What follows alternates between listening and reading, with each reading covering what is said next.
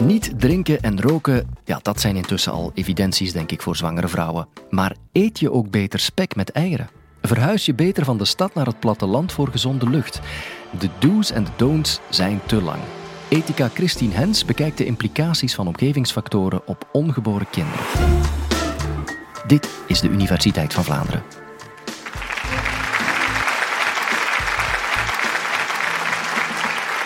Zijn we als ouders verantwoordelijk voor de allergieën van onze kinderen? Ik ga beginnen met het volgende. In november 2018 hoorden we allemaal in de media dat er in China twee babytjes waren geboren die resistent zijn aan HIV. Die dus doorheen hun leven waarschijnlijk geen HIV konden opdoen. Hoe is dat toen gebeurd? Er is een wetenschapper geweest die bij deze babytjes, toen zij nog embryo's in een proefbuis waren, een gen heeft vervangen door een betere versie van het gen, waardoor deze babytjes HIV-resistent zouden zijn. Nu, heeft die onderzoeker daar iets ongelooflijk onverantwoord gedaan? Of denken we, eigenlijk is het toch goed dat deze babytjes geen HIV zouden krijgen? Is het niet onze plicht als ouders om ervoor te zorgen dat kinderen zo weinig mogelijk ziektes krijgen? En als er dan bestaande genetische kennis is of genetische technologieën om daarvoor te zorgen, moeten we dat dan niet gaan doen. Ik ben bioethicus en dat wil zeggen dat ik mij mag bezighouden met dat soort vragen. Wat is er verantwoord om te doen, gegeven die nieuwe genetische kennis en gegeven die nieuwe technologieën waar we mee geconfronteerd worden? Wat wil dat nu eigenlijk zeggen, genetische informatie? Wel, we denken dat mensen zo'n 20.000 tot 25.000 genen hebben. En wat zijn genen? Je kan je dat heel simpel voorstellen als stukjes code, stukjes informatie op een DNA-streng. En die stukjes codes, die stukjes informatie, die worden, die genen dus, die worden dan afgelezen door moleculen, transcriptiefactoren heet dat. En dan wordt er beslist of die worden omgezet naar RNA. En wat is dan weer RNA? Dat is weer al een soort van code. En deze code wordt dan vertaald naar eiwitten, naar proteïnen. En het zijn die eiwitten die van alle functies vervullen in ons lichaam. En dit is dus een soort van eenrichtingsverkeer, van DNA naar RNA naar proteïne. En dat eenrichtingsverkeer dat noemen we het centrale dogma van de genetica. Nu, als bioethicus houd ik mij dan bezig met die vraag wat als we alles kunnen weten wat er in onze genen zit? En inderdaad, tien jaar geleden dachten we effectief dat als de wetenschap zo voortdeed zoals we nu bezig waren, dat we op den duur wel alles zouden weten wat er in onze genen geschreven staat. Denk maar aan bijvoorbeeld het Thousand Genomes Project. Het was een project om de genetische variatie in bevolkingen in kaart te brengen. Om zo beter te begrijpen welke genen wat doen. Denk ook aan het concept van personalized medicine. Dat is het idee dat je op basis van het genoom van het individu, dus van de ja, totaliteit van de genen van het individu, voor dat individu de juiste medicatie zou kunnen gaan maken en voorschrijven. We hielden ons dus bezig met de vraag wat als we van alles kunnen gaan lezen uit onze genen, wat als we kenmerken en ziektes en zo kunnen voorspellen. Misschien kunnen we dan ook bij embryo's in vitro die genen gaan lezen. Dat kunnen we al. En kunnen we gaan embryo's gaan selecteren die een bepaalde ziekte niet hebben. We zouden kunnen gaan voorspellen of iemand bijvoorbeeld, als hij volwassen is, Alzheimer zou krijgen of bepaalde allergieën. Maar in 2012 werd deze vraag nog wat prangender, omdat er toen een techniek werd ontwikkeld, CRISPR-Cas, waarmee men die genen niet louter kon gaan aflezen, maar ook gaan knippen en misschien vervangen door een ander gen. En de ethische vragen werden dan ook moeilijker en moeilijker. Gaan we nu alle ziektes, alle genetische ziektes, de wereld kunnen uithelpen? Gaan we er nu voor kunnen zorgen dat de toekomstige generaties verlost zijn van allemaal verschrikkelijke ziektes? Of misschien gaan we betere baby's kunnen maken, die slimmer zijn, die een beter geheugen hebben. Misschien ontstaat er dan wel een ras van supermensen. En is dat iets waar we ons zorgen over moeten maken? Misschien moeten we daar wel angst voor hebben. Het is een feit dat de afgelopen dertig jaar onze kennis over genen en over welk gen wat doet echt exponentieel gestegen is. Maar wat ook exponentieel gestegen is, is het besef dat er nog heel veel is wat we niet weten. Want wat als dat eenrichtingsverkeer, wat als het centrale dogma, als dat niet het ganse verhaal is, als er nog meer is dat we moeten onderzoeken? De constante in wat ik tot nu toe heb verteld is het idee van het genetisch bouwplan. Wij als menselijke organismen zijn dan opgebouwd vanuit een genetisch bouwplan. En dat ligt eigenlijk al een beetje vast vanaf het moment dat we verwekt zijn. We kunnen dus denken aan embryo's als simpele Lego-bouwsels waar je maar een blokje uit moet halen en een beter blokje insteken. We wisten allemaal wel dat ook omgevingsfactoren belangrijk zijn voor de ontwikkeling van een individu. Denk maar aan het feit dat wat een zwangere vrouw eet effectief een effect heeft op de gezondheid van haar kind. Of denk aan duivenmelkers, die uiteindelijk na heel veel contact met hun duiven zelf allergisch worden aan die duiven. Maar die genen en die omgevingsfactoren die werden toch lange tijd heel hard gedacht als afzonderlijke factoren. Waar die genen toch nog iets meer tot onze verbeelding spreken dan de omgevingsfactoren. Dat centrale dogma had ook een centrale plaats in ons denken over genetica en in onze ethische vragen rond genetica. Maar we wisten eigenlijk al heel lang, al sinds begin vorige eeuw, dat dat niet het ganse verhaal kan zijn. Want denk bijvoorbeeld aan het volgende voorbeeld. Elke cel in ons lichaam heeft in zijn kern hetzelfde DNA. Toch doet onze huidcel iets anders dan onze levercel bijvoorbeeld. Denk bijvoorbeeld ook aan eigen tweelingen. Eigen tweelingen hebben hetzelfde DNA, maar zijn doorheen hun leven vatbaar voor verschillende ziektes en hebben ook andere karakters. Het lijkt er dus op dat bepaalde genen tot uitdrukking komen, dat bepaalde genen af of uit worden gezet in een bepaalde omgeving. In een bepaalde plek in je lichaam of in een bepaalde omgeving waar het organisme zich in bevindt. Misschien zijn 20.000 genen ook gewoon te weinig om als enige verklaring te gelden voor ja, de complexe eigenschappen van verschillende mensen. Er zijn natuurlijk miljoenen interacties mogelijk tussen de eiwitten onderling en de eiwitten en het onderliggende DNA. De watervloer, trouwens, heeft 31.000 genen. Dat zijn er 10.000 meer dan ons. Nu, hoe werkt dat mechanisme? Hoe werkt dat mechanisme dat beslist welke genen op welk moment tot expressie komen? Wel, bovenop ons DNA is er een epigenetische laag.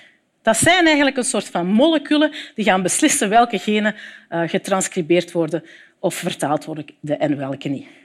Het zijn heel ingewikkelde mechanismes, maar ik ga hier jullie twee uitleggen. Stel je voor dat er zo'n moleculen op het DNA ligt, op een gen. Als dat zo is, wil dat zeggen dat de factoren die gaan proberen dat gen te selecteren voor transcriptie, dat die aan dat gen niet aankunnen. Stel je ook voor dat DNA op sommige plaatsen wat vaster opgerold is. Op die plaatsen waar het opgerold is, op de genen dat daar zitten, die zullen ook moeilijker bereikbaar zijn om getranscribeerd te worden. En zo zijn er nog heel veel mogelijke mechanismes, maar we beginnen nu pas meer en meer te ontdekken hoe die werken. En die nieuwe studie heet de studie van de epigenetica. En als bioethicus vind ik dat superspannend, want ik, vind, ik denk dat deze epigenetica ook heel relevante ethische vragen zal opwerpen. Genen blijven belangrijk, hè. laat me daar duidelijk over zijn. Er zijn een aantal erge ziektes die te maken hebben met mutaties in hun genen.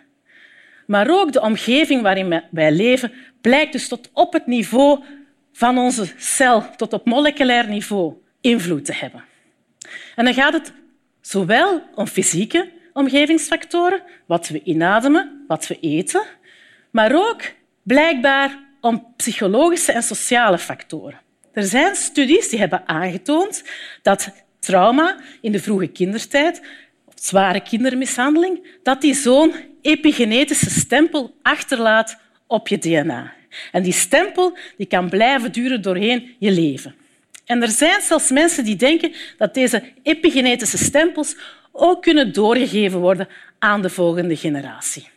Zoals gezegd, denk ik dat dit heel interessante vragen opwerpt. We hebben het al gehad over die baby's, die CRISPR-Cas-baby's en over het lezen van geven. En dat blijft natuurlijk interessant en relevant. Maar misschien zijn jullie wel akkoord met mij dat het genetisch editeren van baby's iets is dat we misschien niet op grote schaal gaan moeten of gaan zullen doen. Maar als we nadenken over epigenetica, hebben we het besef dat de omgeving waar we ons in bevinden een heel grote invloed kan hebben op wie we zijn. Laat ons eens teruggaan naar de originele vraag over de verantwoordelijkheid van de zwangere vrouw. Het lijkt vanzelfsprekend dat een zwangere vrouw die blijft binge drinken en die blijft kettingroken, dat dat toch wat moreel problematisch is. Maar nu is er ontdekt dat ook het seizoen waarin een baby geboren wordt invloed heeft op de gezondheid van de baby. Zo zijn baby's geboren in de lente veel minder vatbaar voor allergieën, zo blijkt het, dan baby's geboren in de winter. Wil dat dan zeggen dat je als zwangere vrouw er maar voor moet zorgen dat je in de lente bevalt? Dat lijkt een beetje absurd. En denk ook aan het volgende voorbeeld. Kinderen van vaders die roken blijken een verhoogde kans tot astma te hebben. Nu, dat lijkt vanzelfsprekend. Maar ook kinderen van vaders die ooit gerookt hebben, zelfs nog lang voordat ze misschien dachten aan het krijgen van kinderen, zelfs die kinderen hebben een verhoogde kans op astma. Dat is omdat dat roken bij die vaders, die toen misschien zelfs nog maar pubers waren, een epigenetische stempel heeft achtergelaten. Als we dit allemaal beschouwen, lijkt het fundamenteel oneerlijk dat we de vrouwen blijven beladen met alle zonden van Israël als het gaat over de, het welzijn, over de gezondheid van hun kinderen. Maar een antwoord op die moeilijke vragen van wie is er dan verantwoordelijk en wat moet je dan doen, is er nog niet.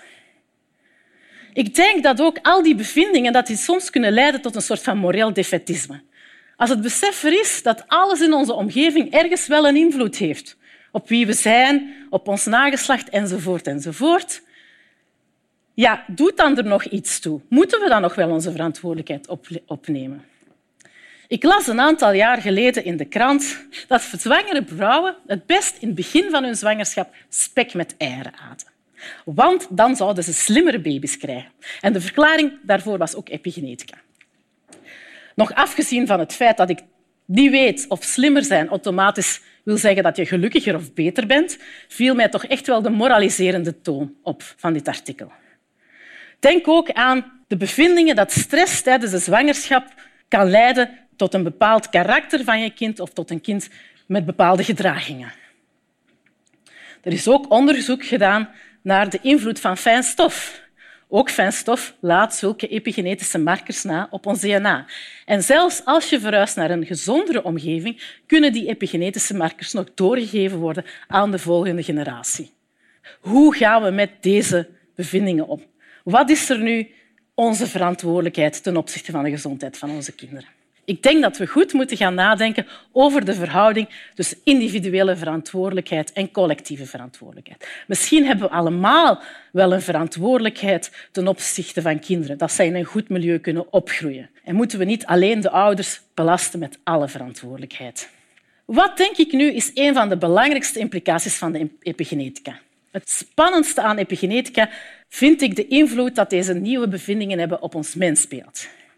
Als je jezelf als mens denkt als opgebouwd vanuit je genetisch bouwplan, dat vast ligt van bij de conceptie, dan zijn wij een soort van atomistische, individualistische wezens die maar in beperkte mate beïnvloed worden door onze omgeving. Maar die epigenetica laat een veel dynamischer en intergeconnecteerde mens zien. Een mens die tot op niveau van zijn moleculen de invloed ondergaat van de omgeving.